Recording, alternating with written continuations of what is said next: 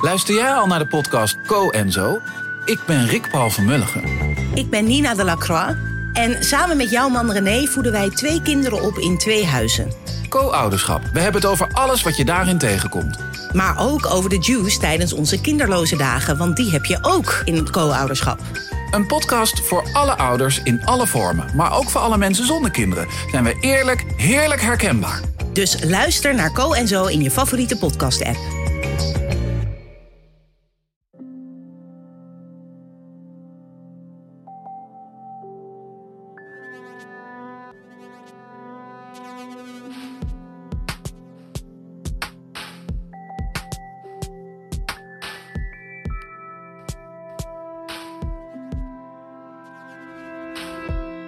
Hey, ik ben Pieter van Relaas. In Relaas hoor je waar gebeurde verhalen en die worden verteld door de mensen die ze zelf hebben meegemaakt. 2021, ja, ik moet het niet nog eens vertellen, maar dat zal in onze geheugens gegrift staan als het jaar van het spuitje. Het spuitje dat ons de vrijheid brengt. Of misschien wel dat spuitje waarvan we denken, hmm, dat vertrouw ik nu eens niet. Wouter die gaat met een bang hartje zijn spuitje tegemoet. Als je dit hoort, heeft hij het nog niet gekregen, maar het gaat niet lang meer duren. Maar in dit relaas ontdek je waarom Wouter met een bang hartje toch dat spuitje gaat laten zetten.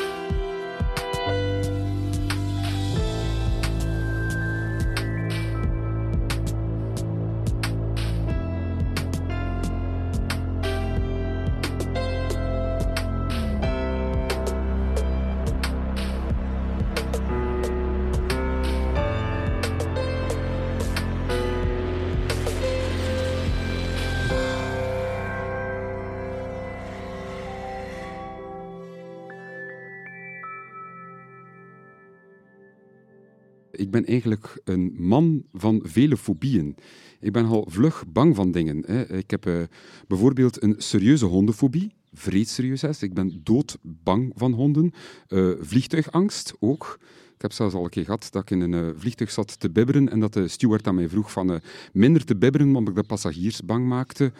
Um, een uh, hoogtevrees heb ik ook. Dus ook een keer op de Vlasmarkt, ook een keer een serieuze angstaanval gekregen.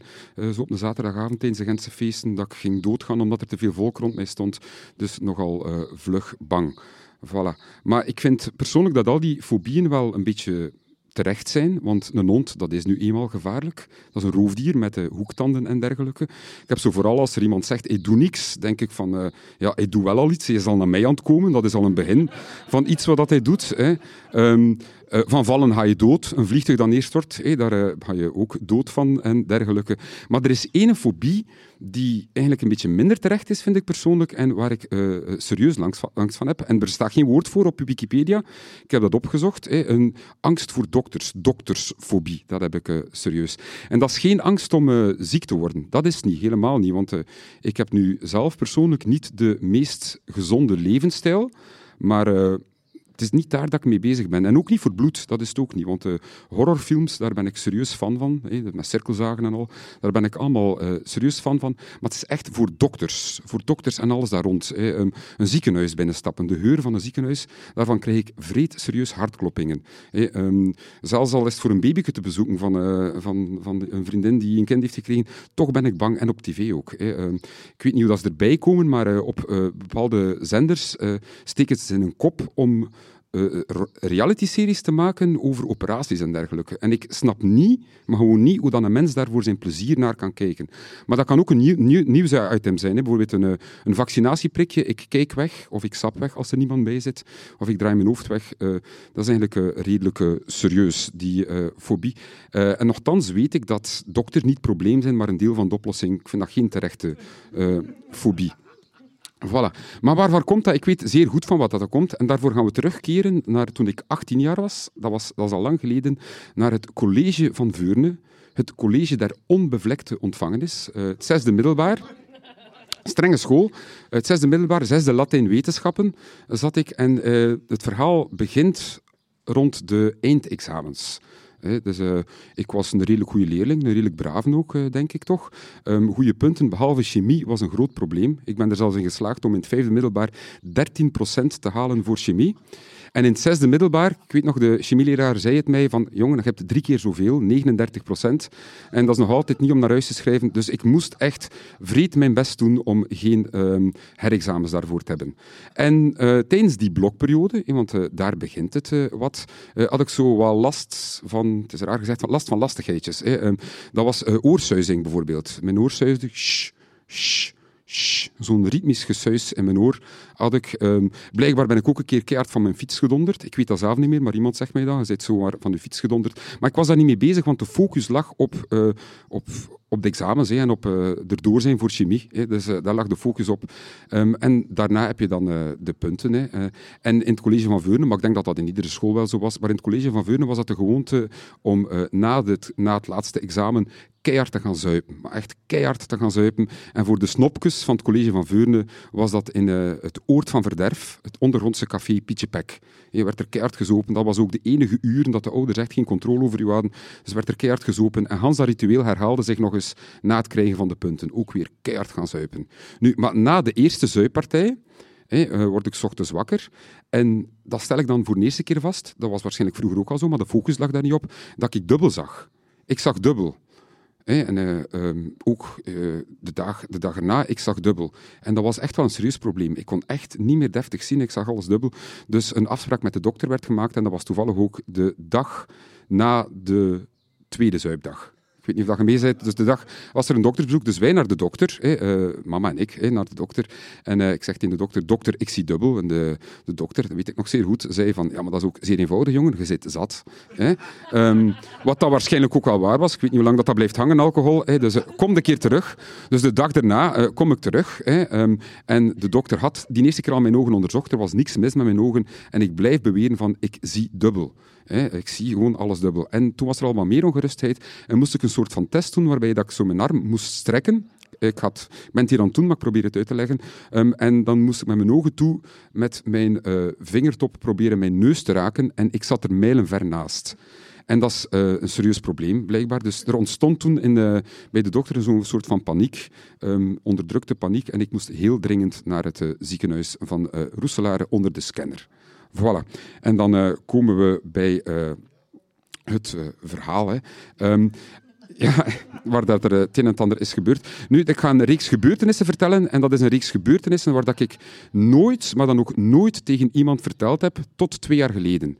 Vanaf twee jaar geleden ben ik dat beginnen vertellen tegen mijn vrienden, tegen kennissen zelfs, tegen vage kennissen zelf, en zelfs hier nu op Relaas. Maar tot twee jaar geleden vertelde ik daar met niemand over.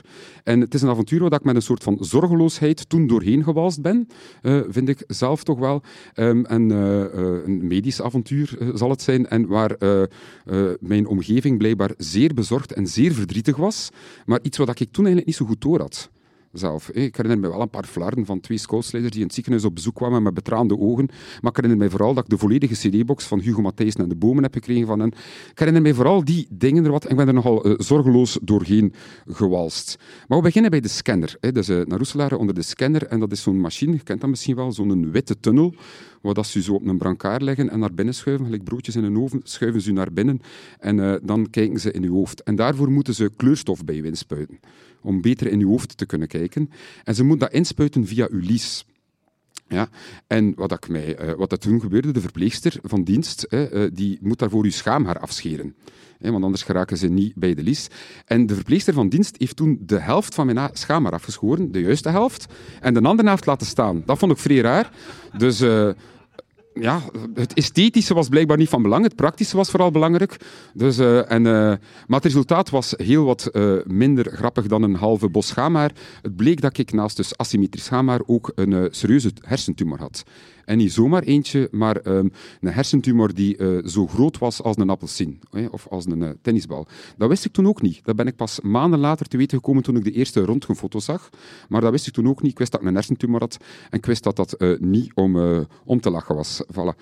Dus ik moest heel dringend naar het ziekenhuis in Roeselare. En daar moest ik twee operaties krijgen twee zware hersensoperaties. En voor die hersenoperaties, um, twee dergelijke zware operaties, blijkbaar is dat niet te doen om dat in zo'n korte tijd te krijgen. Dus eentje daarvan moest plaatselijk verdoofd zijn en eentje daarvan moest uh, onder volledige verdoving zijn. En die eerste operatie, daarmee gaan we beginnen. Ik krijg altijd kriebels als aan denk. Dat is een eh, vreselijk gebeuren, een plaatselijke operatie op je kop. Ehm, en ik heb het gevoel dat ik dat nu enger vind om daarover te vertellen dan dat ik dat toen ervaren heb. Maar uh, ze hebben nu haar afgeschoren, natuurlijk, hè, want ze, ze moeten uh, erin boren. Dat is om de druk van uw hersens weg te halen. Was dat, want zo'n tumor dat duwt uw hersens naar buiten tegen de hersenpan. Dus de plaatselijke operatie, twee chirurgen. Denk toch dat er twee waren, maar kon dat niet zien. Ik had zo'n doek over mijn hoofd. Ik vermoed zo'n groen doek met een gat in. En um, die twee chirurgen boren in uw hoofd. Zzz, hoort ze boren in uw hoofd. Eeuwig respect voor die chirurgen, want die hebben... Uh, een zeer gemoedelijk gesprek met mij gevoerd ondertussen, terwijl dat ik het gevoel heb dat ze met iets zeer secuurs bezig waren. En daar ben ik me altijd wel van bewust geweest van... Ik had zo altijd wat gevoel, die moet maar een millimeter te diep zitten en pff, je bent dood, het is gedaan. Hè. Dus uh, voilà, die operatie, vreselijk moment. En dan had je operatie 2. Maar operatie 2, ja, daar kan ik gelukkig niet veel over vertellen, want ik was aan het slapen. Ik weet wel nog van ervoor, toen ik in slaap viel, dat ik alles voelde wegdeemsteren. En dat ik dacht, dat is het laatste dat ik zie, dat is het laatste dat ik zie. En ook het moment daarna, dat ik zo begon met mijn lichaamsfuncties te testen. Ik keer alles bewegen en van alles en nog wat. Uh, een geluidje maken. Ik herinner me niet dat ik kon zien al, dat weet ik niet, maar um, ik weet wel dat ik dol, dol, dol gelukkig was dat ik nog leefde en dat alles goed was verlopen en van alles en nog wat. En daarna vliegt je in de intensive care. De intensive care, dat is een, een grote zaal of kamer waar dat er verschillende patiënten liggen onder constante medische bewaking van dokters en verpleegsters en dergelijke. En dat was echt een roes. Dat was een roes. Ik denk dat ze u drogeren daar. Uh, ze hebben mij dan nooit aan mijn neus hangen, maar ik denk dat ze er drogeren met iets wat je heel graag op feestjes zou vinden, maar niet te vinden is. Maar ik heb er constant in een waas uh, gelegen um, en dergelijke. Uh, ook een paar minder leuke ervaringen. Ze steken zo'n sonde in. Ja, ik mocht niet eten daarna, ik weet niet waarom, maar het mocht niet gegeten worden. En dan nu ze zo'n sonde in uw neus tot in uw maag, om uw maagsap weg te zuigen, want uw maag maakt maag, probeer het uit te leggen. Uw maag maakt maagsap aan, maar je eet niet, dus de maagsap moet eruit gezogen worden. En dat deed ongelooflijk veel zeer. En blijkbaar heb ik de tour... Nee, ik weet wel dat ik die tour heb uitgehaald, maar blijkbaar was ik de enige die dat ooit gedaan heeft. Ik heb die maagzonde er zelf uitgetrokken, want dat deed ongelooflijk veel zeer. En ik had liever constant maagzuur dan, uh, dan daar te liggen uh, met zo'n buis die constant pijn deed in mijn keel. Maar het minst leuke moment daar op de intensive care, dat was mijn buur. Er lag een patiënt naast mij. En die patiënt had geprobeerd zich van het leven te beroven en dat was mislukt. Die had geprobeerd een kogel door zijn hoofd te jagen, dat was mislukt. En die heeft daar dagen zitten zagen dat hij wou doodgaan, terwijl dat ik ernaast lag en wou leven. Alle twee te begrijpen, denk ik. Maar zeker geen leuk moment. Uh, die mens zat daar constant over te praten, dus uh, dat was niet zo leuk. En daarna dus naar mijn eigen kamer leuker. Hè. Je zit op de eigen kamer. En daar herinner ik mij vooral de uh, platonische relatie dat ik er had met een verpleegster, die uh, heel vaak met mij kwam praten, persoonlijke gesprekjes en dergelijke, heel goed uh, voor mij zorgde en zelfs s'nachts een keer mijn tv-bakje heeft afgepakt, omdat ik naar Panorama over doodstraf aan het kijken was en ze vond dat dat niet het moment was op zo'n moment om naar zo'n programma's te kijken. Dus ik vermoed dat het wederzijds was, de platonische relatie, maar misschien was het een verliefde puber en uh, beeld ik mij dat allemaal in. Dus uh, voilà. En daarna de revalidatie, maar daar ga ik niks over vertellen, want dat is gewoon pokken saai. Hè. Dus langzaam maar zeker terug uh, erbij komen. Voilà. Maar um, uh, dat is uh, dus wat er zo allemaal gebeurde. En zoals dat je misschien wel gemerkt hebt, van doktersfobie is er niet veel sprake in dat verhaal. Ik ben er redelijk zorgeloos, eigenlijk serieus zorgeloos doorgewalst. Mijn ouders hebben dat ook achteraf gezegd. Hoe dat jij daardoor gewandeld bent, dat is onwaarschijnlijk. Hè, um, terwijl uw omgeving er eigenlijk veel meer van afzag. Uh, maar die doktersfobie is later gekomen. En dat is de controle. Vanaf dan moest ik iedere maand, ieder jaar, sorry, niet iedere maand, ieder jaar in januari op controle om te kijken wat er uitzaaiingen waren. En dat was weer in die scanner. En vanaf dan ben ik, die scanner echt beginnen haten. Ook dat prikje vooraf. Dat was niet meer in de lies, dat was blijkbaar in de arm. Vraag me niet waarom, die kleurstof. Maar um, dus vanaf dat moment was ik er zeer bang van. Je kreeg zo'n blaasbalgje in je, hand als je die scanner ingaat, vooral als je in paniek bent om op een knopje te duwen, voor uh, claustrofobie, dingen en dergelijke. Ik heb dat een paar keer nodig gehad ook zelfs. Um, dat je tik, tik, tik, tik, daarin. Vreselijk, vreselijk. Ik ben er zeer bang van geworden. En dat prikje vooraf ook zeer erg. Het is al zo erg met prikjes. Uh, een tiental jaar geleden ben ik naar Sri Lanka op reis geweest en kreeg ik een prikje van uh, ja, een of andere inenting uh, tegen het een en ander waarschijnlijk. Ik ben zelfs van mijn zus gegaan voor een simpel prikje. Dus uh, vanaf dat moment is die angst er geweest. Maar sinds twee jaar moet ik niet meer op, op controle en hoera, voilà, alles is goed. En vanaf dan kan ik daar heel wat meer over vertellen. En dat was mijn relaas. vooral dat is een scharniermoment in mijn leven. Ik bekijk eigenlijk mijn leven nog altijd aan het moment voor de operatie, het moment na de operatie en nu misschien een derde hoofdstuk, het moment na de controle. Voilà, dus uh, dat is uh, mijn relaas. Um, straks staat er mij ook een vaccinprikje te wachten. Ik heb er nu al stress over. Uh, niet van het vaccin, helemaal niet, maar van dat prikje. Maar ik ga het toch dapper proberen te ondergaan.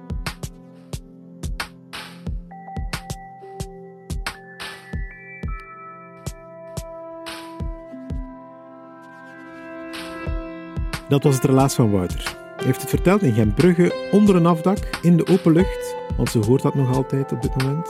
Maar stilletjes aan groeien de bubbels van mensen die erbij mochten zijn. Ik weet niet of je dat gehoord hebt, maar ik voelde toch meer en meer mensen. Van geen mensen in het begin naar één mens en nu een handvol mensen die naar dat relaas mochten luisteren. En vanaf nu mogen we weer officiële relaasvertelmomenten organiseren. Met publiek. Jij kan er dus bij zijn, dus check zeker onze website om te zien wanneer er een relaasvertelmoment in jouw buurt is. We zitten in Gent, in Brugge en in Antwerpen ondertussen. Dus er is relaas genoeg voor iedereen.